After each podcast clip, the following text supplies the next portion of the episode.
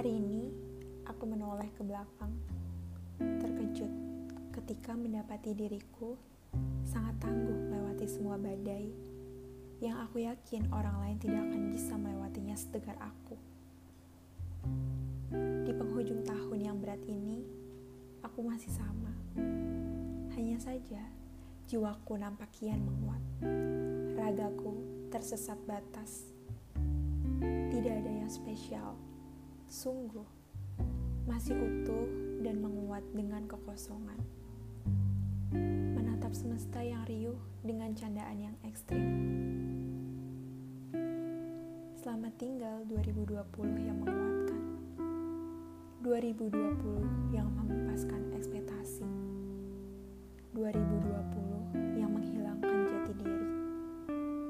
2020 yang melahirkan harapan baru dengan pangkuan diri. Gak apa-apa ya ternyata memutar balik ekspektasi. Gak apa-apa ya ternyata hanya berdua dengan diri.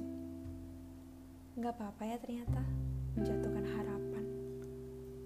Terima kasih untuk diri yang mau bertahan hingga bergantian tahun. Terima kasih untuk memilih hidup sedangkan bisa memilih untuk menyerah.